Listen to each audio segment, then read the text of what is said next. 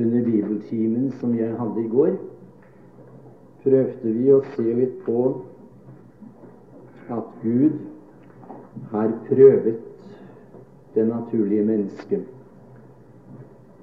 Og vi kom frem til at uh, det, det naturlige mennesket som født etter kjødet, er totalt fordervet. Det gikk en tid i mitt liv før jeg oppdaget det.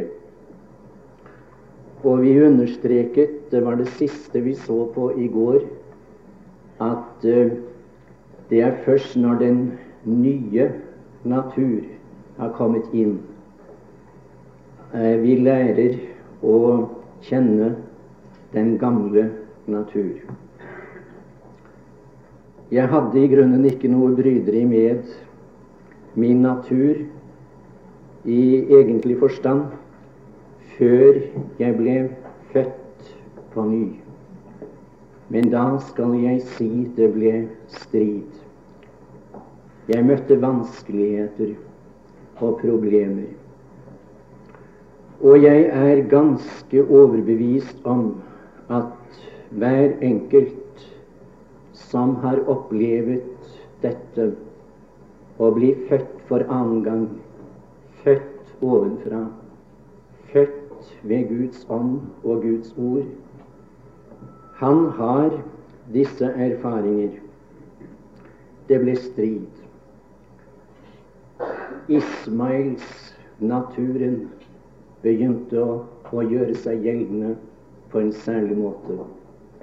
Forstyrret oss og det står at Ismail spottet da Isak, løftet sønn, var kommet inn i huset. Vi leste i går som utgangspunkt Vi behøver ikke å lese det for så vidt opp igjen. Jeg skal bare ganske kort referere til det. Det er Galaterbrevets femte kapittel og det første vers, hvor det heter til frihet har Kristus frigjort oss. Og det legges til stå derfor fast og la jeg ikke atter legge under trelldomsåk. Jeg kan kanskje være så personlig at jeg beretter litt fra mitt eget liv. Jeg tror det kan komme godt med for en eller annen av oss. Da jeg hadde opplevd dette å bli et frelst menneske. Jeg var bare 14 år gammel da Kristus møtte meg og ga meg en ny natur. Eh, da forestilte jeg meg det omtrent slik denne elendige, bunnfordervede natur som jeg har i mitt indre synden som bor i meg, som apostelen Paulus taler om i Rombrevet 7, og det er 17. og 18. vers. I mitt kjød bor det intet godt. Jeg fant snart ut det. Men jeg tenkte, jeg resonnerte omtrent som så. Eh, Etter hvert så vil nok denne natur bli føyelig, god, kristelig, og jeg mente at Gud en gang måtte kunne anta den og bli fornøyd med den. Og jeg tok da fatt på denne fortvilte gjerning.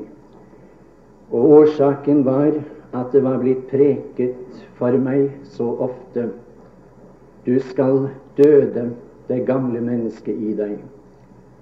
Du skal korsfeste den gamle Adam. Du skal avlive den. Og jeg husker at jeg var rent fortvilt som 17 års gutt. Det var nevnt i går aftes av Stenseth at det gikk to år før han fikk gripe det frigjørende budskap i Guds ord, evangeliet. Det gikk ca. tre år for mitt vedkommende, og jeg satt en dag hjemme i stuen hos mor og far det var en, ettermiddag satt der i den gamle gyngestolen, og jeg var på grensen til å fortvile. Jeg sa til Gud, du vet at jeg har ikke noe større ønske i mitt liv enn å høre deg til, men du vet også at det er ganske umulig for meg å være en skikkelig troende. Jeg får det ikke til. Men den dagen fikk jeg se noe i Guds ord, og det er jeg glad for. Som jeg nevnte i går, det er ingenting som har betydd, og som betyr så meget for meg i mitt trosliv, som det som jeg her er inne på. Og vi skal nå skrive et romertall tre. Dere husker at vi hadde, vi hadde romertall 1 og 2 i går. Og jeg eh, setter det opp slik for at det skal bli mer oversiktlig for deg når du leser eh, når du kommer hjem. Romertall 3. Hva Gud har gjort med den gamle natur. Hva Gud har gjort med den gamle natur. Og kanskje vi kunne også skrive for korthets skyld behandlet det i dom. Behandlet det i dom. Får du det ned på papiret, så vil du sikkert erindre eh, hva vi her har hatt for oss i eh, disse to timene, og i denne timen i særdeleshet. behandlet det i dom. Vil du også skrive et ett-tall? Og bare de ordene 'korsfestet med Kristus'. Det er frigjørelse, det. Jeg holdt på å skulle si det er frigjørelse som sier sex. Korsfestet med Kristus. Galatebrevet 2,20, Romebrevet 6,6, Kolossensebrevet øh, Nei, Romebrevet var det. Romebrevet 8,3, Galatebrevet 5,24. Jeg gjentar Galatebrevet 2,20, Romebrevet 6,6, Romebrevet 8,3, Galatebrevet 5,24.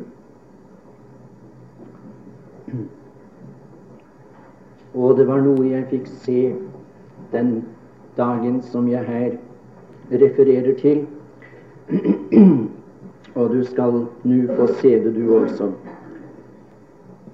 Og jeg vil inderlig håpe og det har vært min bønn, mine tilhører, med tanke på disse bibeltimene som jeg skulle få ha her, at det ikke bare ble noen bibeltimer fordi det nå en gang skulle være sådan ved en bibelkonferanse. Også jeg skulle stå her oppe et par timers tid. Men det har vært mitt inderlige ønske at det var noen som kunne sitte her og se denne sannhet. Det er én ting at det står i Guds ord. Det er én ting å ha viten om det. Det er noe ganske annet at du, at du opplever det går opp for deg. Du ser det. Du blir brakt til erkjennelse av det i ditt liv. Vi leser disse steder. Galatebrevet 2,20. Kanskje vi kunne ta med fra det 19. vers for sammenhengens skyld. For jeg er Og det er spesielt to uttrykk som jeg ber deg feste din oppmerksomhet ved når du leser de to, ordene, nei, to versene. Og her har du det. For jeg er. Vil du streke under det lille ordet 'er'. ikke strek under hele verset eller begge versene, hvert ord, men dette enkle ordet 'Jeg er' ved loven. Og det skjedde ved loven. Han døde under loven, Kristus, uten å si noe mer om det. Jeg er ved loven, død for loven, for å leve for Gud. Og så kommer det igjen. Jeg er, ikke skal bli, ikke har håp om å, om å oppnå noe sådant en gang i fremtiden. Men jeg er korsfestet med Kristus. Jeg lever ikke lenger selv, men Kristus lever i meg, og det liv jeg nå lever i kjødet, det lever jeg i troen på Guds Sønn, som elsket meg og ga seg selv for meg. Da jeg gikk til disse nevnte helliggjørelsesmøtene, og det arrangeres slik også i dag, og mange blir påvirket av dem, så tenkte jeg å, om jeg kunne nå frem til det de taler om. Og det var jo også målet med deres budskap. Deres forkynnelse gikk ut på det er mulig for en troende Hør nå hva jeg sier, og, og, og prøv det på det du ofte hører forkynt. Det er mulig for en troende og nå dit hen i sitt liv at han kan si 'Jeg er korsfestet med Kristus'. Men det blir fremstilt som et, som et mål langt fremme. Det er så mye som skal til før du kan nå dit. Vi leser Romebrevet 6 og vers 6.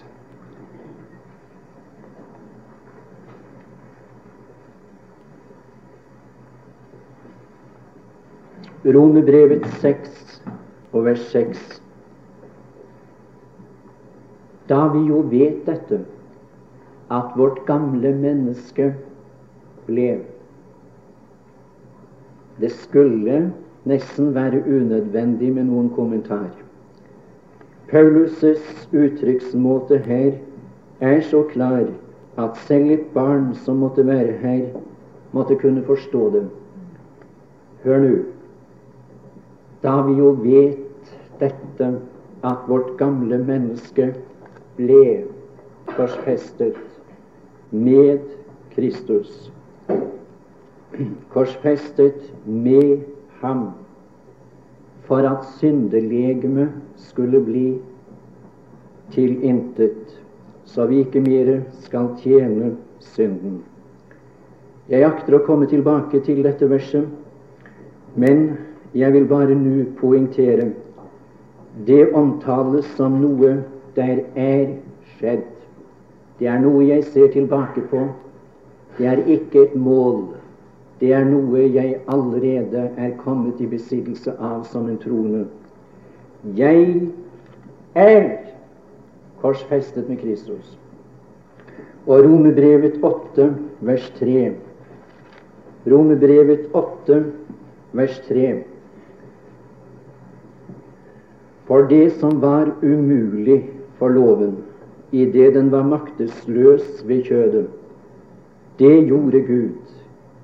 Idet han sendte sin sønn i syndig kjøds lignelse, og for syndens skyld, og sonet våre synder. Nei, har du lagt merke til at det er noe ganske annet som står her? La oss lese igjen. For det som var umulig for loven idet den var maktesløs ved kjødet, det gjorde Gud idet Han sendte sin sønn i syndig kjøds lignelse, og for syndens skyld. Og merk nå og fordømte. Det var det som skjedde. Fordømte synden i kjødet. I den eh, engelske bibelen der står det Der er det brukt et litt annet uttrykk. Forresten et meget fint uttrykk. Der heter det 'og kondemnerte'. Kondemnerte synden i kjødet. Og det betyr egentlig at han har satt det ut av betraktning. Han har gjort seg ferdig med det. En gang for alle i Kristi død. Nå skal vi se litt nærmere på det, og vi skriver da eh, et totall. Bibelen skiller mellom den iboende synd og synd i handling. Bibelen skiller imellom den iboende synd og synd i handling. Eh, vi leser da fra 1. Johannes brev. 1. Johannes brev.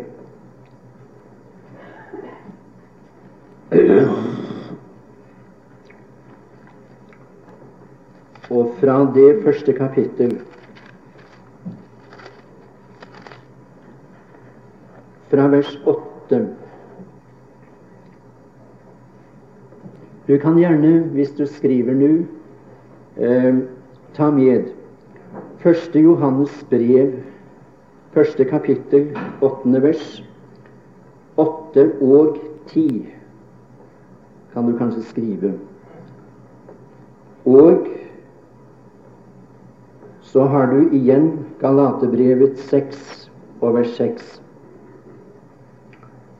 Eh, nei, Romebrevet, unnskyld. Romebrevet 6, vers 6. Kolossensebrevet 3, vers 5. Skal du høre. Dersom vi sier altså Det er 1. Johannes 1, vers 8. Dersom vi sier at vi ikke har synd, og det uttrykket, det vil jeg gjerne at du skal være oppmerksom på. Dersom vi sier at vi ikke har synd, da dårer vi oss selv, og sannheten er ikke i oss. Her er det tale om å ha synd, vil si å ha en fordervet natur i seg, og det har vi sett at vi alle har. Men i det tiende vers, der er det tale om noe annet. Dersom vi sier at vi ikke har syndet Altså her er det synd i gjerning, synd i handling. Det er det som kommer frem i vårt liv av det som er ondt. Dersom vi sier at vi ikke har syndet, da gjør vi ham til en løgner, og hans ord er ikke i oss. Eh, det første, altså i det åttende vers, det vi leste om der, det er det er hva et menneske er. Det er det du er. Det andre, det er det du gjør. Ikke sant? Det første er årsak, det annet er virkning. Det første er roten, det annet er frukten. Det første er, skal vi si, produsent, og det annet er produktet. Det første er kilden, det andre er oppkom. Det er det som kommer frem i vårt liv på grunn av det vi er som syndere. Og vil du også ta med at du du er ikke en synder fordi du gjør syndige ting. Men du gjør syndige ting fordi du er en synder. En synder Ja, jeg tror ikke det er for sterke ord å si det sånn. I egentlig forstand og rett forstått, en synder kan ikke annet enn synde når det kommer til stykket. Det er hva vi er, og det er hva vi gjør. Og her vil jeg gjerne ta deg med tilbake til Romerbrevet 6 og i det sjette vers. Romerbrevet 6 og vers 6. Der er to uttrykk der, og dette verset har man gjerne utledet den tanke av at det er mulig for en troende her i livet å bli kvitt den gamle natur. For det står jo uttrykkelig, blir det hevdet, at syndelegeme skulle bli gjort til intet. Det forsvinner. Det blir borte. Det har vi ikke noe bryderi med lenger. Ja, eh, skal vi se litt på det. Romerbrevet 6, vers 6, og vi leser nå langsomt og med ettertanke. Da vi jo vet dette, at vårt gamle menneske ble korsfestet med ham. Altså det gamle mennesket, det er her den gamle natur. Det er synden som bor i en trone. Synden, den iboende synd, er altså her fremstillet som et menneske. Og et menneske har et legeme, ikke sant? Da kanskje det begynner å klarne for oss. Da vi jo vet dette, at vårt gamle menneske, den, den onde, syndige naturen, ble korsfestet med ham. Og så kommer det for at syndelegeme. Det er synd i handling. Det er ytringsform. Det er det et menneske ser. Det er det som skriver seg fra den, den, den, denne fordervede naturen her inne, synden som bor i meg. Og det er det, sier apostelen, som skal bli til intet. Og vi går da til eh, Kolossensebrevet og leser der i det tredje kapittel. Kolossensebrevets tredje kapittel og eh, vers 5. Du har her et legeme omtalt i, eh, i Romerbrevet 6.6. Om dette legeme leser vi her i Kolossensebrevet 3, vers 5. Og legg merke til at det finnes ikke på et eneste sted i hele Guds ord, meg bekjent, at en troende skal korsfeste det gamle mennesket. Skal døde det gamle mennesket. Nei, men det står her Så død da eders jordiske lemmer. Altså dette legemet, det har mange lemmer. Og det er det vi leser om her. Og la oss ta med hele verset. Så død da eders jordiske lemmer, utukt urenhet, brynde, ond lyst og havesyke, som jo er avgudsdyrkelse. Ja, jeg tror det skal bli resultatet. Jeg, skal, jeg er ganske viss om at det blir følgen av at du ser denne sannhet i formiddag. Du begynner å døde disse handlesynder i ditt liv. Og så kommer jeg til noe meget viktig. Og du skriver der et tretall. Å være, å være korsfestet med Kristus er ikke en erfaringssak.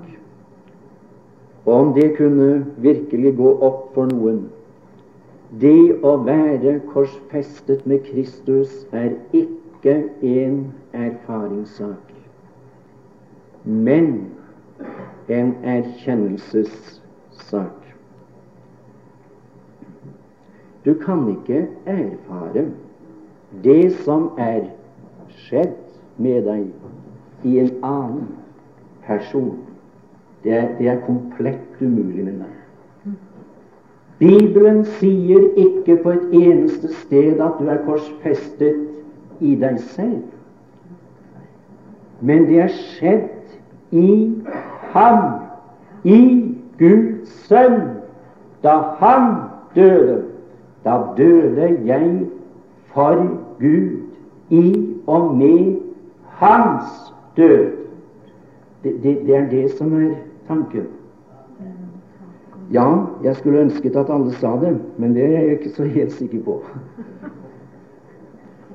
Men her kan du gjerne si amen. Og det råder en veldig, et veldig mørke når det gjelder forståelsen av disse sannheter.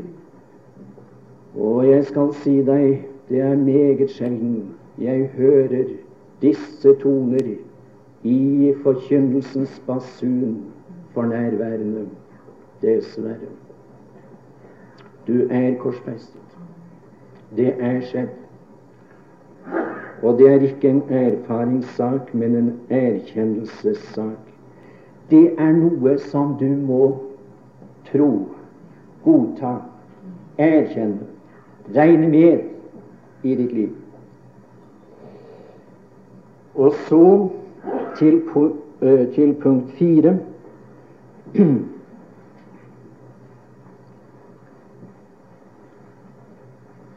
punkt fire i Guds betraktningsmåte, og særlig dere unge, å få fatt på det nå. Få det i hvert fall på papiret, i det aller minste. I Guds betraktningsmåte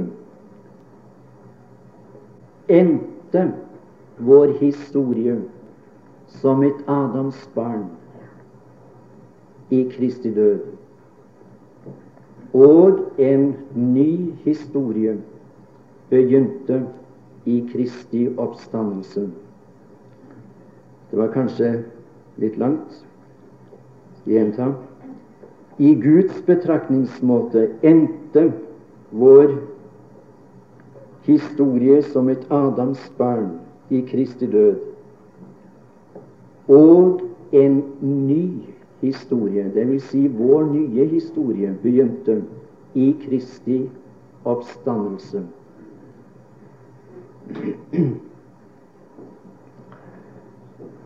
Og så skal vi lese Vi kunne jo lese mange steder, men vi tar med litt fra Efesebrevet 2.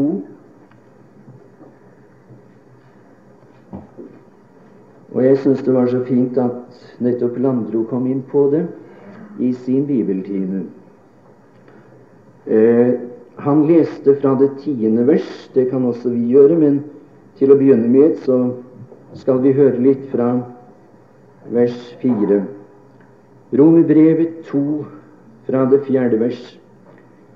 Men Gud, som er rik på miskunn, har for sin store kjærlighets skyld, som Han elsket oss med, gjort oss levende med Kristus Altså, den gamle historien, den endte i og med Kristi død, og den nye historie, og det er den Gud regner med for en trone. Det er det som er så fint. Han regner ikke med den gamle, men bare den nye historien. Det ble en ny begynnelse. Hva tid? Hør nå. Da Kristus sto opp fra de døde. Å, hør! Det kom et nytt menneske inn i bildet. Et fullstendig nytt menneske. Han ble ikke i døden. Han sto opp. Og så heter det det at vi ble levendegjort med ham, og videre vi ble oppvakt med ham. Og i det sjette vers Å, jeg er glad i det. Usigelig glad i det. Og det er det jeg får leve i. Og hadde jeg ikke fått se det, så hadde det vært ute med meg i mitt liv. Jeg fikk se, jeg kom opp igjen som en ny skapning, som et fullstendig nytt menneske. I ham! Og så er jeg allerede plassert innenfor forhenget, i selve himmelen ved Guds høyre hånd. Jeg er der allerede. Vi har sånne problemer med om vi skal komme til himmelen, godt folk. Men eh, jeg tør si jeg er der allerede. Jeg er der allerede. Du er plassert Det er din stilling. I himmelen i Kristus Jesus. Du er ikke der i din egen person. Like så litt som du er død i din egen person, er du levendegjort i din egen person. Det er i ham det har skjedd. Du er der. Ser du det? I det representative mennesket. Jeg talte på Kolding for et par år siden om Kristus som den siste Adam. Jeg skal ikke ta opp noe av det jeg var inne på der. Men en skjønt en kunne hatt lyst til det før nå. Det er fordi Kristus ikke sto opp som en privatmann, men han sto opp som en Adam. Han sto opp som en stamfar. Derfor sto den nye slekt opp med ham. Det er en ny begynnelse. Skapt i Kristus Jesus. Og så til 2. Korinterbrev, det femte kapittel altså 2. Korintiebrev, det femte kapittel, og det 17. vers. Hvis det er noe sted i Bibelen som blir mistolket, så er det dette. Og misoppfattet, så er det dette.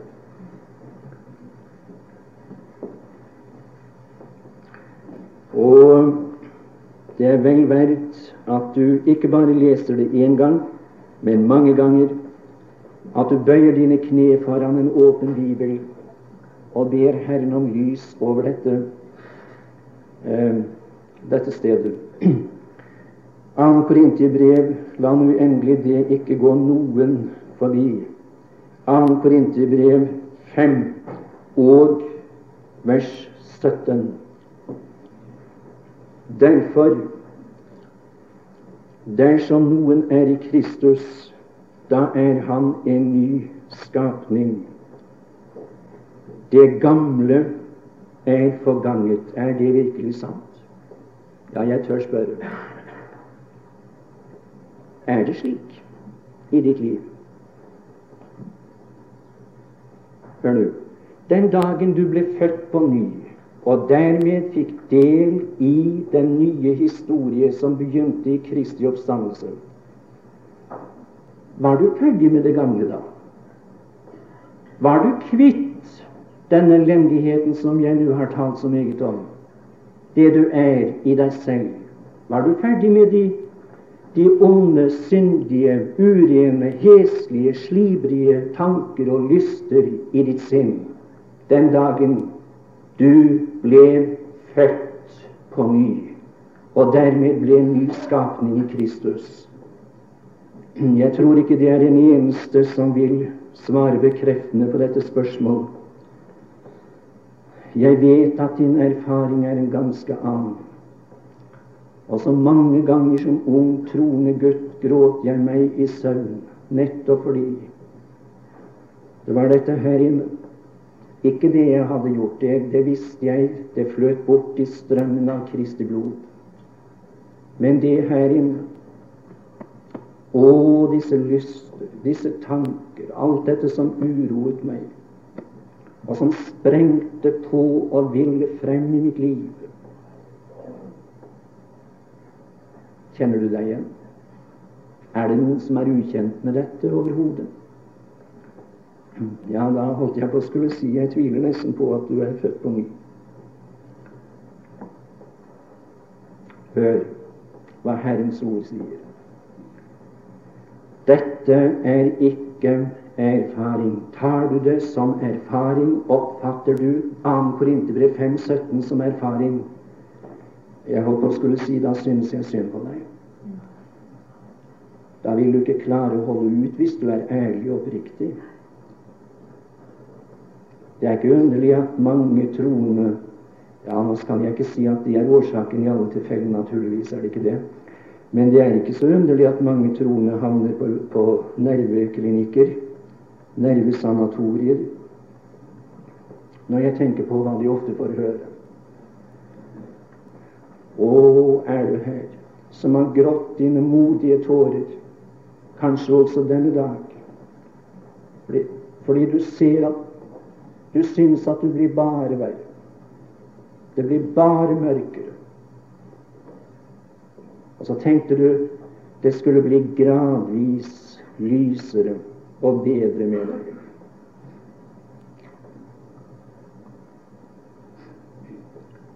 Skal vi lese nu verset? 2. Korinterbrev 5, 17. Derfor, dersom noen er i Kristus, da er han en ny skapning. Det gamle er forganget. Det er erkjennelse. Det er erkjennelse. Se, alt er blitt nytt. Ja, du gikk i døden med ham, og du ble oppvakt og levendegjort med ham. Og da kommer vi til punkt fem, og det har jeg tid til før vi spiser. Punkt fem. Nei, jeg er fullt klar over det, men vi har vel holdt på i tre kvarter, og det er vel tre kvarter en bibeltime vanligvis.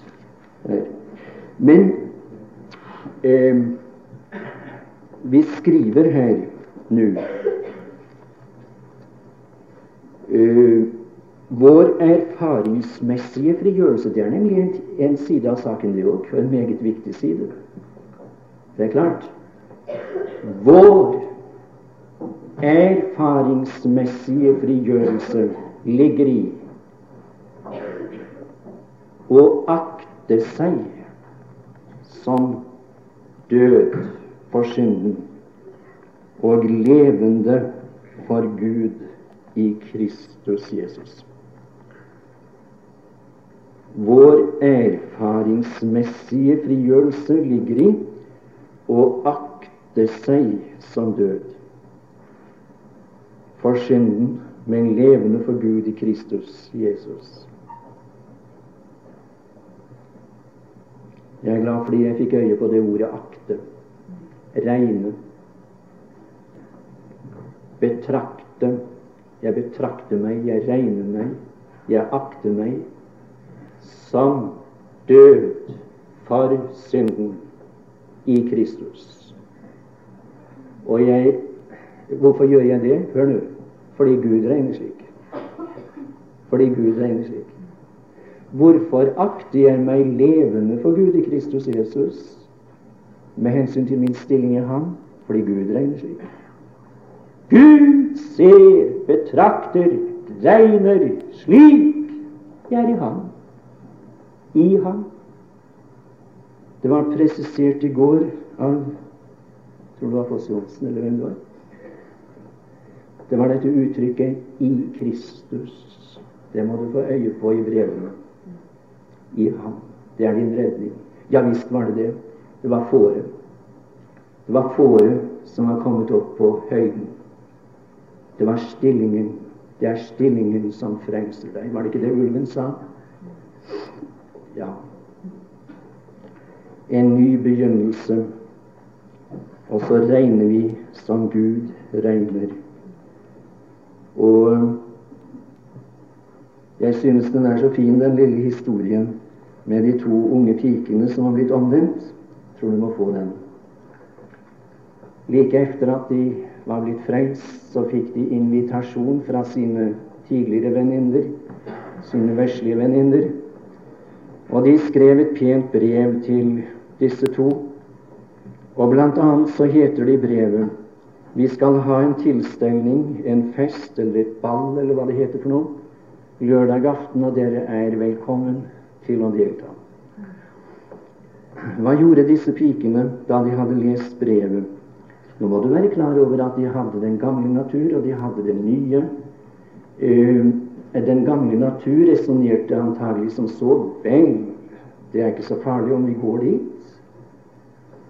Det kan jo være mulighet for at vi kan vinne dem for himmelen under denne tilstelningen, osv., osv. Hvorledes resonnerte Guds ånd i dem? Guds ånd i dem sa deres plass på dansesalen er tom nå, for dere er død med Kristus. Død fra verden! Og verden er død fra dere. Vet du hva de skrev tilbake? Jo, blant annet Det er ganske umulig for oss å komme på dansemoro lørdag aften. Farg. Vi døde forrige tirsdag. Ja. Vi døde forrige tirsdag. Det var da jeg fikk del i Kristi død. Jeg ville kanskje si det på en litt annen måte, men det er fint. De hadde grepet det. Vi døde forrige tirsdag. Å, mine tilhørere, å, dere unge, men, unge venner som er her i formiddag. Grip fatt i Romerbrevet 6.11. Begynn å akte dere som døde. Og så skal dere få erfare at i det ligger kraften til et lykkelig frigjort liv i denne verden. I det kraften til et hellig liv for Kristus her på jorden. Akte. Og det var det de sang, og det var det Høyvik, vår kjære venn, sang så ofte på, høy, på eh, Høgskolen i Kolding under våre bibelstevner. Akte og tro, regne og tro, bare regne og tro. Alt er gjort. Gud har gjort det som gjøres skal. Bare regne og tro. Lykke til vår Gud. Det vi her har betraktet, det har betydd, vet du, mer for meg i mitt liv enn jeg selv aner. Det er bare du som vet hvorledes det ville gått om jeg ikke hadde fått grepet disse sannheter som ung gutt. Men Herre Jesus, du vet også at det har ikke Det har knapt nok gått en dag i mitt liv siden den gangen uten at mine tanker har gått til Romerbrevet 6.11. Jeg har fått levet i det. Jeg har fått stått fast i det, og det takker jeg deg for. Det er muligheter for at vi erfaringsmessig kan komme bort fra det. Derfor sa apostelen Gud, stå fast, og det er dine ord gjennom ham. Stå derfor fast i denne frigjørelse. Herre, la det bli resultatet av disse timer. At vi begynner å leve et mer intimt, fortrolig, åpent samfunn med deg og nyter denne frihet i Kristus.